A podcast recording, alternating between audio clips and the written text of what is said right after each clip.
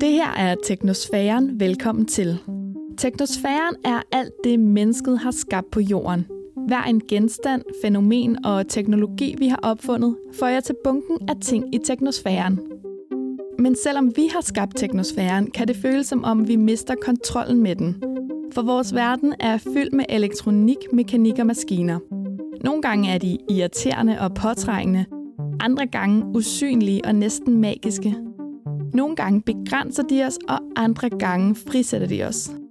I den her serie kommer forholdet mellem mennesker og opfindelser på prøve, når programmets vært undersøger, hvordan teknologi påvirker netop deres hjørne af verden. Mit navn er Nana Schmidt Nordeskov, og jeg er producer på podcasten her, og altså ikke verden. Jeg står på sidelinjen, når verden gennem fem episoder udforsker, om teknologi er en allieret eller en modstander til den kamp, verden udkæmper i hverdagen. Om teknologi kan hjælpe os med at forbedre miljøet, vores sundhed og meget andet, eller om teknosfæren helt har taget magten fra os. Det her er første sæson af Teknosfæren, og i første sæson er Gitte Marie Johansen vært. På YouTube og Instagram går Gitte Marie under navnet Gitte Mary. Og i den her første sæson vil hun undersøge, hvordan teknosfæren påvirker alt vores liv på kloden. Nærmere bestemt miljøet og klimaet. Det her er første episode. Nu begynder programmet.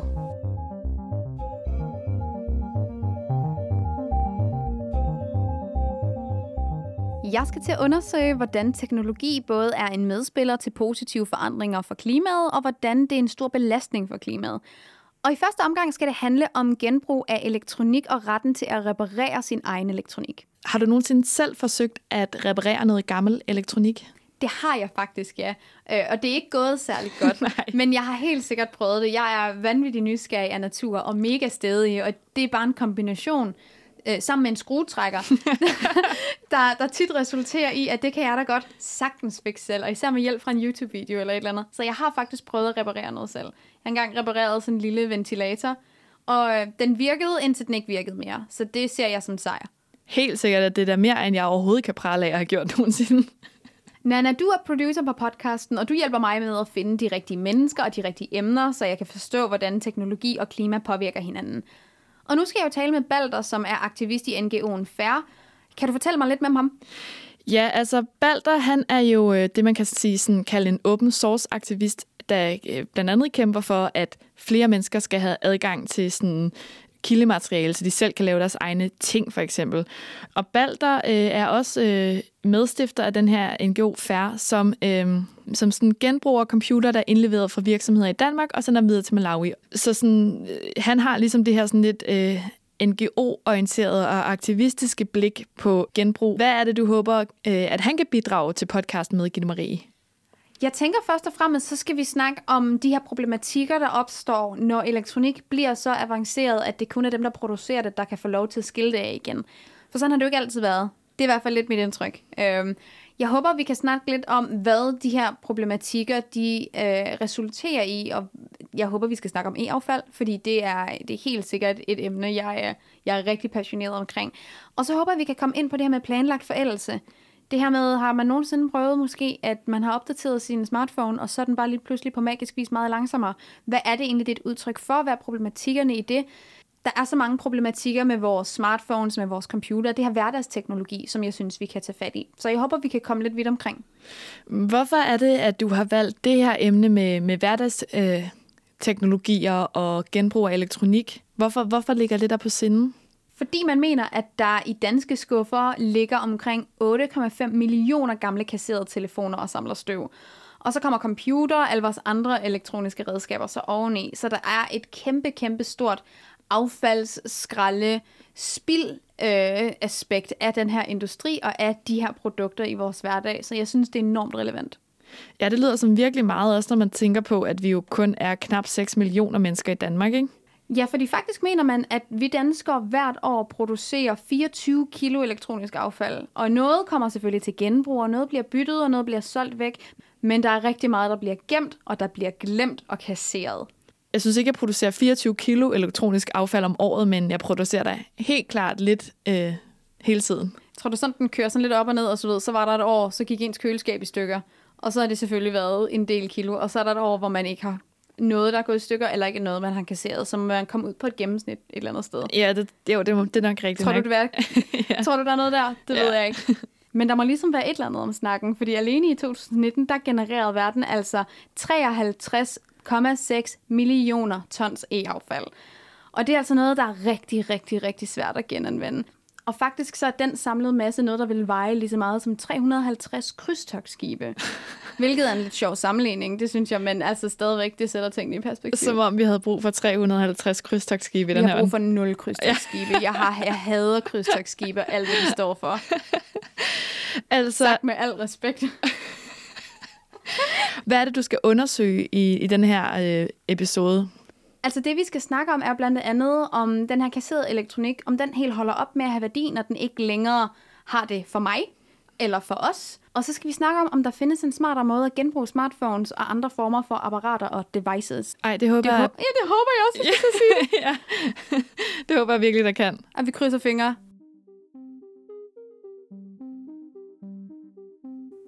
Mit navn er Gitte Marie, og på internettet går jeg under navnet Gitte Mary. I 2015 startede jeg et Zero Waste eksperiment, hvor jeg prøvede at leve i 30 dage uden at generere affald. Siden da har jeg ikke kigget mig tilbage, og i over fem år har jeg arbejdet med bæredygtighed, formidling og skraldeaktivisme, både on- og offline. Jeg er foredragsholder og forfatter til bogen Bæredygtig Badass, men mest af alt, så er jeg en nysgerrig forbruger. Siden mit første skraldeeksperiment har jeg bredt paletten lidt ud. Nu fokuserer jeg ikke kun på det fysiske affald, men er i stedet lige så optaget af det aftryk, vi ikke kan se, og det er et emne, jeg hele tiden bliver klogere på. Jeg er også meget optaget af, hvordan teknologien både er en med- og en modspiller til klimaudfordringerne. Derfor kaster jeg mig ud i at undersøge fem forskellige hjørner af det her enorme felt, hvor klima og teknologien møder hinanden. Kan internet og elektronik nogensinde blive grønt? Og kan teknologiske løsninger hjælpe os med at leve bæredygtigt, uden at vi skal gå på kompromis med en moderne, komfortabel livsstil? I den her podcast-serie taler jeg med folk, der ligesom mig brænder for at gøre verden grønnere, men som kommer fra helt andre steder end mig selv. Jeg bliver klogere på der, hvor klima og teknologi kombineres, og hvad der skal til for at skabe en mere bæredygtig hverdag. Mit navn er Gitte Marie, og det her er Teknosfæren. Velkommen til. Hej Balder, og velkommen. Jeg er glad for, at du kunne være med. Hej Gitte Marie, tusind tak. Til dagligt er du softwareudvikler, og du er også frivillig i NGO'en FAIR, som står for Fair Allocation of Infotech Resources. Kan du fortælle lidt om, hvad FAIR handler om? Ja, FAIR er en forening, som vi stiftede for 10 år siden. Det er en forening, som indsamler og tester og genbruger IT-udstyr primært fra virksomheder.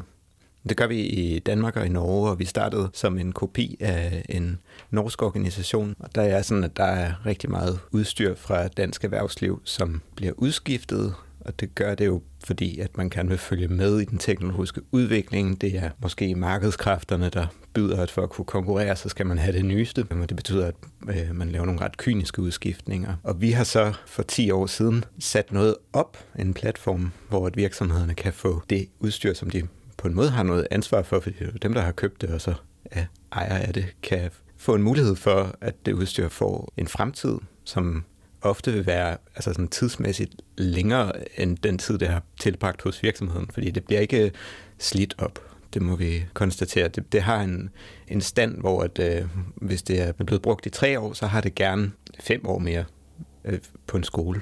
At der findes IT-udstyr i forvejen på, på, på danske skoler, øh, men det gør der ikke på øh, skoler i, sådan, i den fattige del af, af, af verden, og vi har så øh, gennem et, et, et personligt netværk øh, først, øh, og så sidenhen bare et øh, øh, forening til, til uddannelsesinstitutioner og netværk, øh, skabt forbindelsen til Malawi, som nogle gange er verdens fattigste land, nogle gange er verdens femte fattigste land, øh, målt i sådan en slags BNP per indbygger.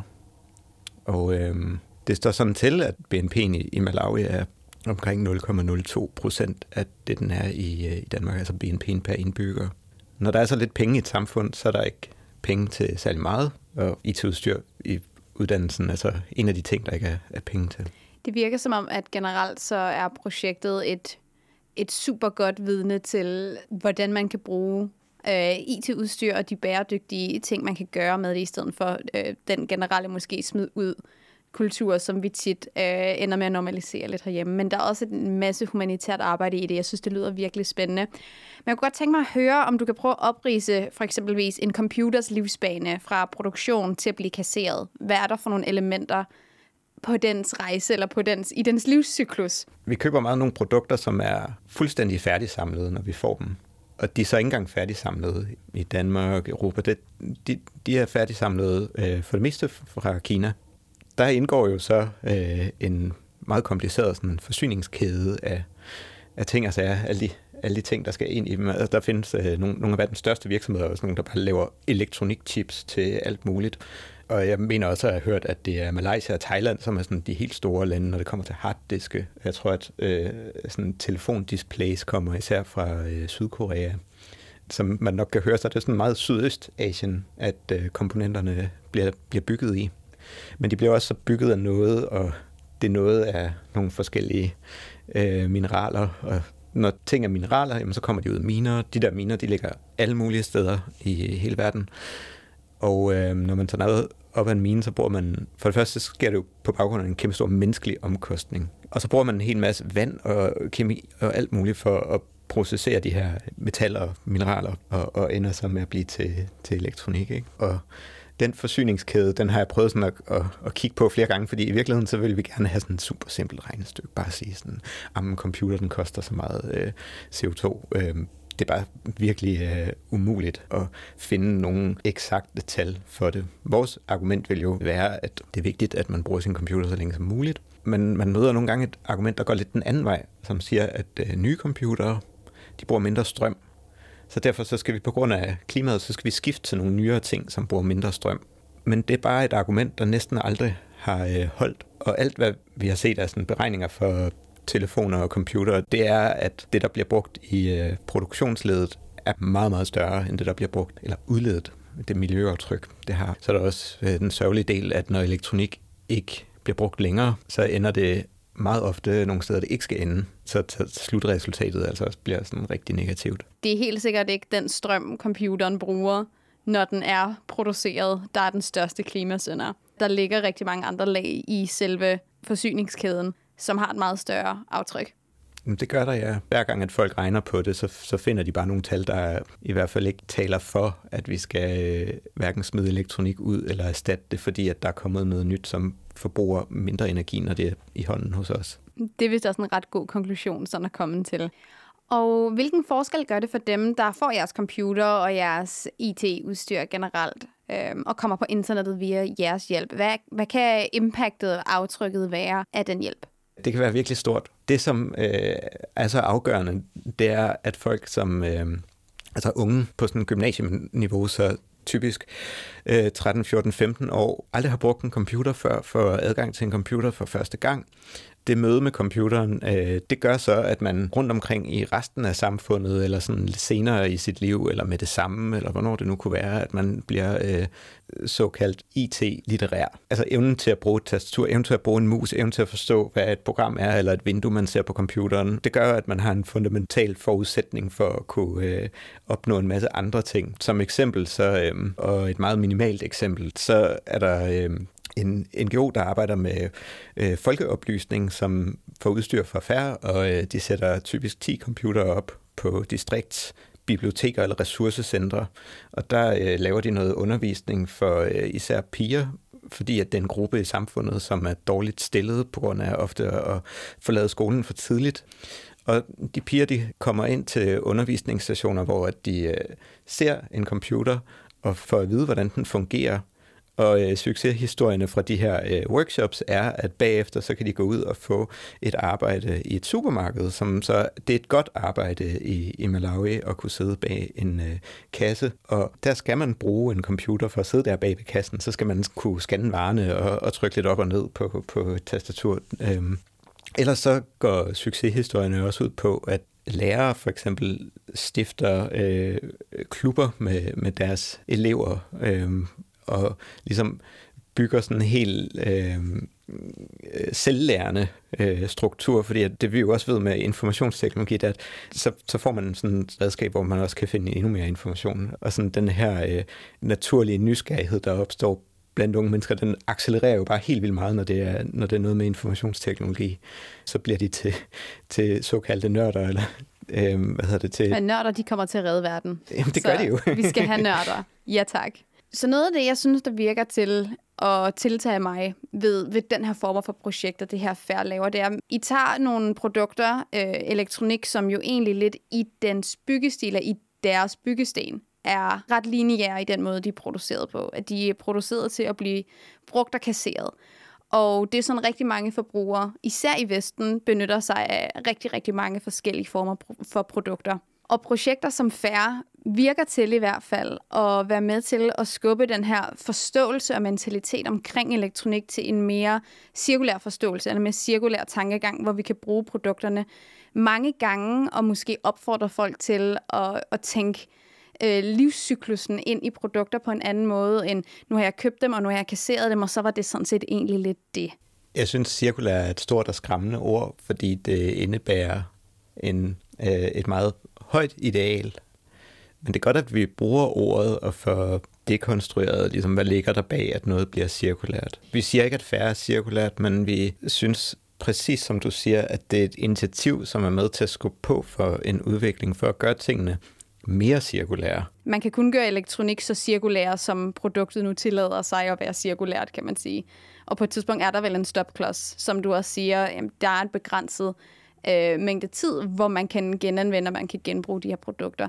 Men den her mentalitet med, hvad gør vi, når vi ikke længere lige står og bruger det i hånden. Og det synes jeg er en rigtig, rigtig sund tilgang at have til tingene i hvert fald.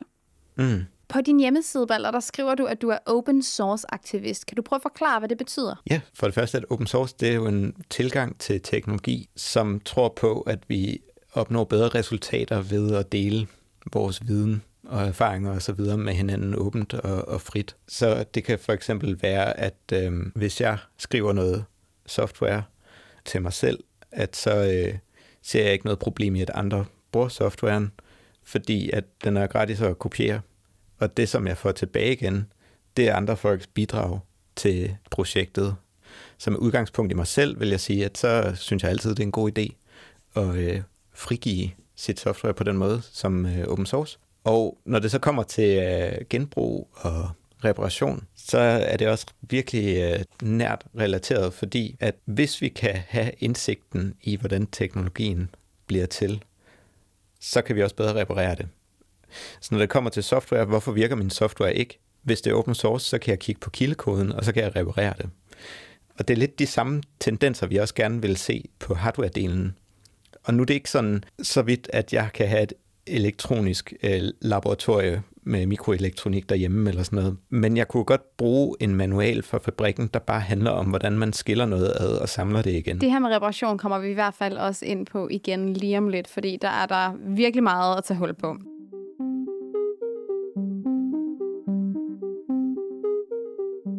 Men Gitte Marie, inden du gør det, så synes jeg lige, vi skal trække vejret og fortælle lytteren, hvad det er, vi har gang i lige nu. Jo, altså Balder fortæller om Færre, den her platform, han har været med til at sætte op, som videreformidler brugt elektronik fra danske virksomheder og videre til skoler i Malawi. Hvad er det, du forsøger at finde ud af i den her episode, øh, Gitte Marie? Altså det, vi blandt andet snakker om her, og det jeg rigtig godt kunne tænke mig at vide, det handler jo generelt om aftrykket af vores elektronik. Hvad sker der med det, når vi som forbrugere er færdige med at bruge det? Nu siger jeg færdige med store gåseøjne her, fordi man kan bare blive ved med at bruge det rigtig længe. Vi skal også snakke lidt om det her med, med planlagt forældelse, og hvad er det for nogle mekanikker og systemer, som gør, at man måske ikke kan få lov til at bruge sin elektronik så lang tid, som man måske egentlig gerne vil. Okay, helt sikkert. Lad os gøre det. Yes. For ligesom at starte den her, kan du prøve at forklare, hvor lang tid man i gennemsnit bruger sådan en smartphone?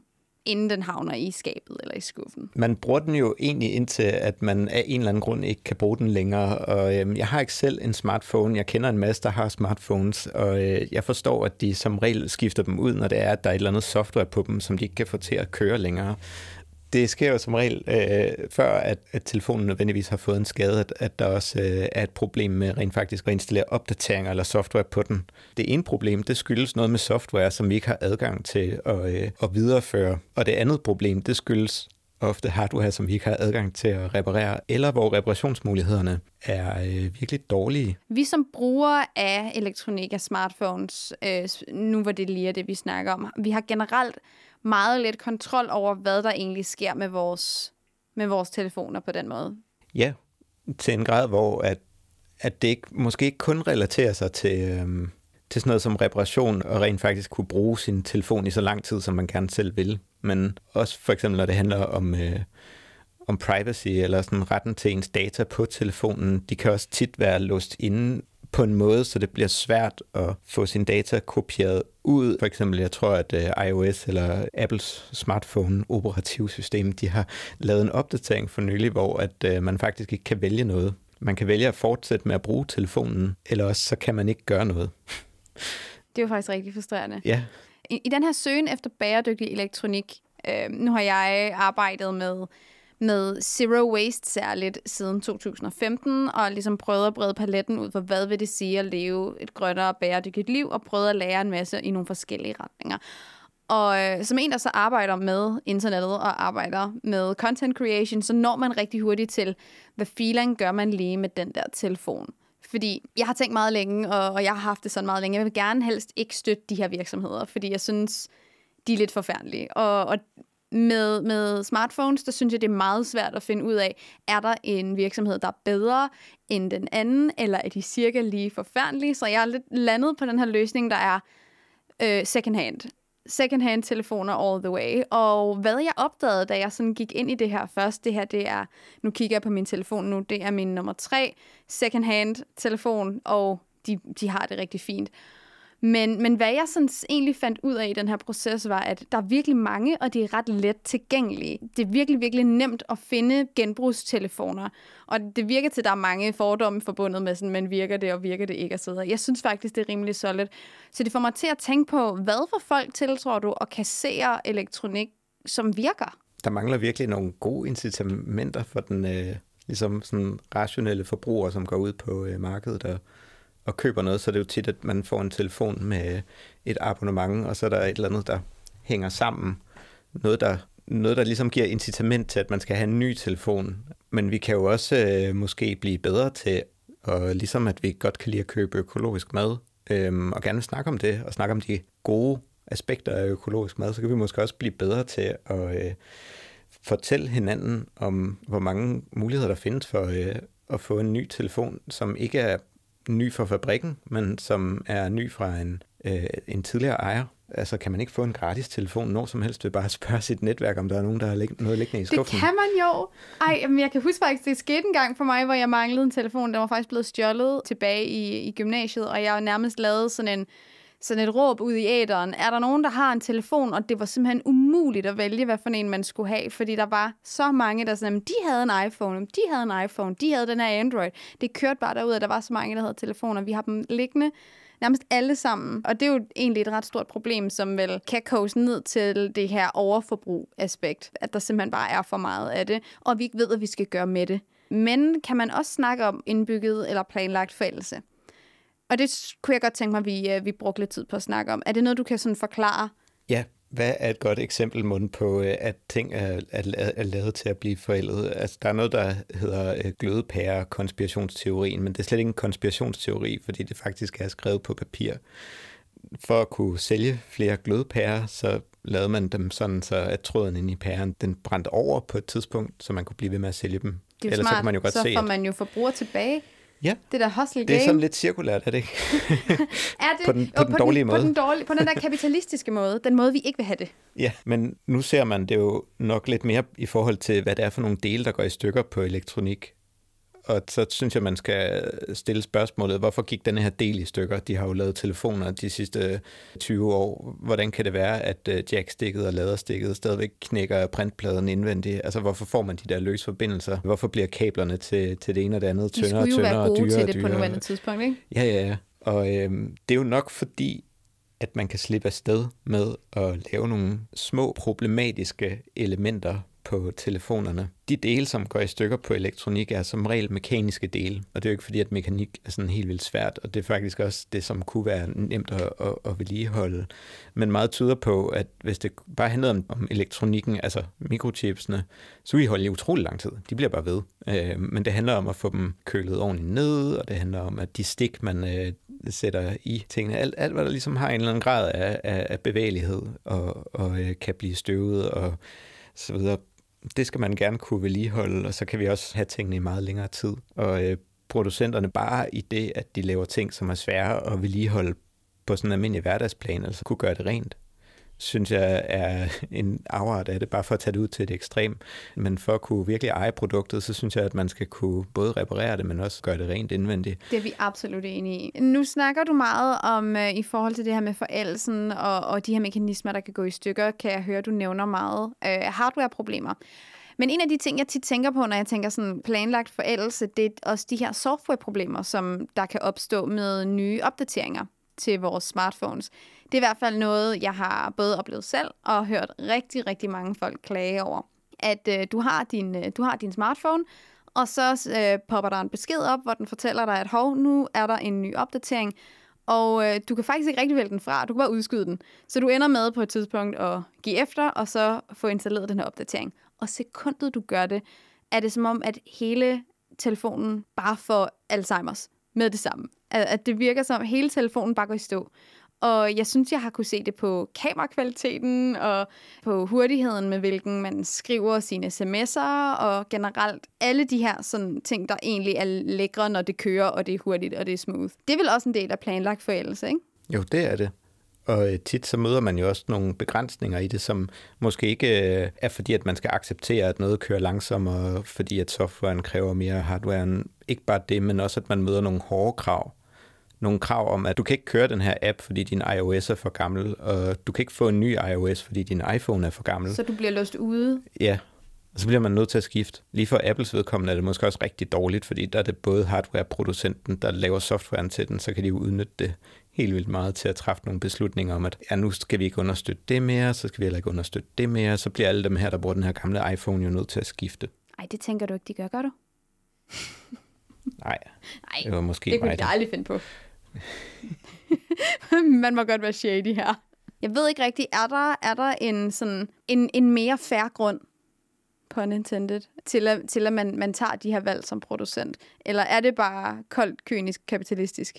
Jeg kan jo sige som softwareudvikler, at noget af det mest irriterende, der er ved at lave noget software, det er at skulle understøtte en gammel platform. Og, og på den måde, så har vi måske også en opsætning af en hel masse forskellige øh, standarder og kommercielle tilgange til at udgive nye ting, som fordrer, at så skal vi hele tiden også lige kappe de gamle kompatibiliteter, fordi at de, de gør sådan så, at vi ikke kan gøre noget anderledes, noget nyt i softwaren, som vi så gerne vil. Jeg vil ikke mene, at det behøver at være sådan, fordi man kan jo sagtens lave ting, som er øh, veltilrettelagt, gennemtænkte, afprøvet på mange platforme, og man kan også sagtens, og det er jo, det er jo igen her, hvor open source eller sådan åbne standarder kommer ind i billedet, hvis at man aftaler standarderne i et bredt forum af mange aktører, mange leverandører, mange akademikere, så kan man finde frem til nogle standarder i fællesskab, som er, er bedre og holder i længere tid. Men vi har snakket en lille smule om det her med, øh, med reparation allerede, og det skal vi lige vende lidt tilbage til, for der er virkelig, virkelig meget, man kan dykke ned i her.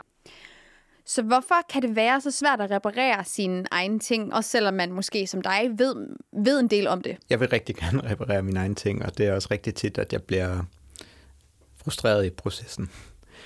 For eksempel, og allermest typisk, så er det fordi, at ting er limet sammen. Og det vil være meget nemmere, hvis de var skruet sammen med en øh, velermærk med en type skrue, som der findes skruetrækker til. Skruetrækker til, ja. det er ikke altid tilfældet. Nej, det er det ikke, og jeg tror, at alle kan finde et eksempel ud i deres køkken. Så tager de øh, og vender bunden i vejret på øh, deres elkedel.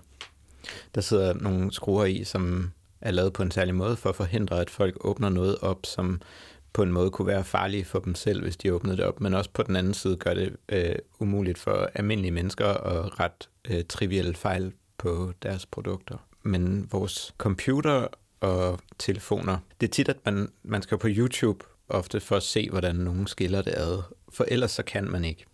Når, når man ser nogen skille det ad, så når man også så langt, så godt. Og det er tit nogle dygtige folk, der skiller det ad det skal man være, fordi at hvis man ikke gør det rigtigt, så går tingene i stykker, mens man skiller dem ad. Så er der noget, der knækker på det, og så, ja, så, så bliver det ligesom ikke så god en oplevelse at reparere noget selv, når man sådan hælder barnet ud med badevandet. Og øh, de ting, man tit skal reparere, og som er en rigtig god idé, gem nogle ting, når, øh, når de går i stykker, samle dem lidt sammen, men ikke i for lang tid. Altså også få en god rutine og sådan, men så... Øh, er det tit, at det er stikkene, der går i stykker. Dem kan man lodde. Og øhm, så skal man have sådan en loddekolbe. En loddekolbe koster måske 200 kroner. Ja, og så det samme med, med YouTube. Der finder man rigtig tit nogle løsninger på at reparere ting. Jeg, vil sige, jeg, har, ikke, jeg har ikke set så mange øh, på YouTube, som, øh, som sidder i et øh, rigtig rigt land. Men jeg har set rigtig mange dygtige folk, som øh, ser ud til at have sådan en anden øh, form for motivation for at reparere, som virkelig, øh, altså folk, som arbejder i, øh, i sådan en form for elektronikbutik, som reparerer sådan professionelt, men som også laver de her instruktionsvideoer til hinanden. Ja, hvis man har problemer med noget, så er det, så er det et rigtig godt sted at gå hen. Men så, så oplever man jo så det her lim og de her skruer, som gør det svært for en. Jeg mener helt bestemt, at man kan få nogle, nogle redskaber. Man kan også gå ind på noget, der hedder iFixit og finde en masse, men det er alt sammen noget, som, øh, som ligesom er lavet af nogle andre end producenterne. Ikke? Det, og, og iFixit er sågar en, en mere aktivistisk bevægelse, som laver de her manualer. Er der ikke også, øh, er der ikke også noget med, at når man begynder at åbne for eksempel sin MacBook, så kan man risikere at miste garantien på den? Jo, og det er jo også derfor, at det, der, øh, øh det, eller det er en del af den samme logik, som siger, at skruerne skal kun pilles ved af dem, der har autoriseringen til at gøre det. Men, og det er jo lidt lucid, egentlig. Ja, det er det der skæve incitamentstruktur, ikke? hvor at uh, Apple både laver hardwaren og softwaren, men de vil sågar også styre, hvem der, uh, der reparerer det, men de vil ikke stille noget til rådighed for folk, som de ikke sådan ligesom selv har et autoriseret forhold til. Um, det er det modsatte af open source. Ja. Præcis. Fordi jeg kommer til at tænke på, jeg på et tidspunkt, der havde jeg min, uh, min telefon, den ville bare ikke tænde. Og lige meget hvad jeg gjorde, den sad i oplader og tog ud af oplader den vil bare ikke tænde. Øh, og jeg kan huske, jeg, jeg, jeg nævner det bare lige på et tidspunkt for min familie, og jeg tror, det er min far, der er sådan, hvorfor tager du ikke lige batteriet ud? Og så siger smart, det kan jeg ikke. Det er en iPhone. Det, det fungerer, nej, det kan jeg ikke. Og jeg går ned til den her sådan lokale telefonreparationsfyr, og siger, min telefon den øh, starter ikke. Er det, er det noget, du kan hjælpe med? Og så spørger han som det allerførste, har du været inde i en officiel Apple-forretning med den? Og så siger jeg, nej, det har jeg ikke. Den er også second hand, øhm, og det ved jeg faktisk ikke rigtigt, hvad de vil gøre med, og det, det har jeg bare ikke. Så siger han, okay, godt. Fordi med sådan nogle problemer her, vil de højst sandsynligt øh, bare give dig en ny. At der er en tendens til, eller en politik omkring, at øh, kan du erstatte den med en anden telefon, så gør du det frem for at gå ind og fikse den. Og han gik så ind og åbnede den her telefon, og bare sådan flippede en ting, eller trykkede på en ting, og så tændte den bare fint, og så virkede den. At det var sådan en super lille ting, der skulle ændres. Jeg stod bare og var sådan helt, jeg følte mig helt forrådt af, sådan, af samfundet. Fordi at øh, dem, der laver mit elektronik, øh, ikke kun gør det svært for mig at reparere det, men også nærmest nægter at gøre det selv. Det er sådan noget, jeg bliver sur over. Man føler ligesom, at man, øh, det var ikke den aftale, man lavede. Man Nej. er vant til produkter, som man har den fulde ret til. Det er ligesom øh, den ret, altså det, det er din gode ret til at få repareret det. Det synes jeg. Og så kommer det der retten til reparation ind, ikke? Ja, det præcis. Er, det, det er vores ret til at reparere. Det er så sandelig også din øh, reparatørs ret til at kunne udføre sit fag. Og det bliver man nægtet, når øh, tingene ikke er øh, gennemskuelige, og når tingene går i stykker, fordi man prøver at åbne dem, og når fabrikanten stiller sig på tværs. Der er altså nogle aspekter, der er super sketchy øh, af det her, og jeg synes, i forhold til retten til at reparere, så det er en vildt vigtig diskussion, vi har som forbrugere. Ja, og det er også et øh, socialøkonomisk kæmpe udfordring, fordi det er ikke kun forbrugeren i et rigt land, som skal kunne reparere sine ting. Det er jo ikke nødvendigvis en stor, øh, undskyld Gitte Marie, det er jo ikke nødvendigvis en stor sådan øh, personlig øh, nedtur, hvor der på sådan et materielt plan, hvis du Nej. ikke kan reparere den. Men for nogen, som ikke har råd til en ny en, så er det jo en kæmpe nedtur. Hvis man har kun har råd til at købe en smartphone hver tiende år, og man ikke kan reparere på den. Så jeg giver dig helt ret, der er mange socioøkonomiske aspekter af det her, som er vildt vigtigt. Og øh, jeg tænker også, og det er bare en forudindtagelse, men jeg har lidt på fornemmelsen, at hvis det kun er de mennesker, som kun har råd til en smartphone hver tiende år, der suger over den her udvikling, så tror jeg aldrig, der kommer til at ske noget. Jeg synes, det virker som om, det også er en meget langsomlig proces, når, når alle mulige former for forbrugere er, er generet af det her, men jeg tror helt sikkert, det hjælper, at, at folk fra rigtig, rigtig mange forskellige steder i verden, folk fra rigtig, rigtig mange forskellige socioøkonomiske baggrunde, står sammen og prøver at finde på nye løsninger og nye muligheder og prøve at støtte hinanden i det her. For eksempel i forhold til reparation. Det skal være helt almindeligt at reparere sine ting igen, fordi det har jo været almindeligt. Min Absolut. øh, bedsteforældres generation, de reparerede jo alt. Det var jo ikke et spørgsmål, om man øh, gik ned og købte et nyt komfur. Altså, det reparerede man jo bare. Man ringede til en, øh, til en eller anden form for fagperson, som kom ud og kiggede på det. Jeg hører tit, at folk taler om det her teknologiske fix af klimakrisen, som skal hjælpe os med at nå regeringens klimamål om at nedsætte CO2-aftrykket med 70 procent inden 2030. Skulle vi fokusere mere på innovation i stedet for genbrug? Hvad er dine tanker her, Balder? Nej, jeg synes, vi skal fokusere på genbrug hele vejen. Fokusere på at undgå udskiftninger. Og så skal vi, øh, vi skal jo huske, at når vi snakker om innovation, så snakker vi om noget, hvor at CO2-aftrykket faktisk ikke rigtig bliver målt. Det CO2-aftryk, som øh, al det her innovation kommer af, når det er elektronik og IT, også brugen af internettet, det sker uden for landets grænser, ergo er det ikke med i vores øh, CO2-udregning. Så øh, jeg vil bare sige nej. Altså lad os blive gode til det, som øh, giver mening. Øh, altså de lavt, de lavt hængende frugter må vel handle om at bruge de ting, vi har bedre. Vi har så meget materiale tilgængeligt, så jeg giver dig da helt ret i, at det er fuldstændig vanvittigt at begynde at kigge andre steder hen, når vi har så meget. Jeg føler, at der på en eller anden måde, så skal bæredygtighed ske i det her sådan, i det her grænseland imellem, og ligesom bruge de produkter, vi har i forvejen, og bruge de materialer, vi har, og så bruge innovationen til at tænke dem på nye måder, eller tænke dem ind i nye systemer, eller nedbryde de systemer, der måske allerede eksisterer til en vis grad. Det ved jeg ikke, om du kan genkende til. Ja, og så også øh, at bruge noget mindre, også, det kan jo også øh, hjælpe en hel del, hvis at vi øh, finder ud af, at vi ikke behøver så meget, øh, som, som der bliver lagt op til. Ja tak til at bruge mindre. Det er refuse, reduce, reuse, recycle, rod. Ja. Reduce, den er vigtig. Og øh, med det tror jeg, jeg vil sige tusind tak, Valter, fordi du gad at være med og komme og fortælle os både om færds initiativer og reparation og alt indimellem her. Det var super spændende. Det var super mega spændende. Det var super mega spændende.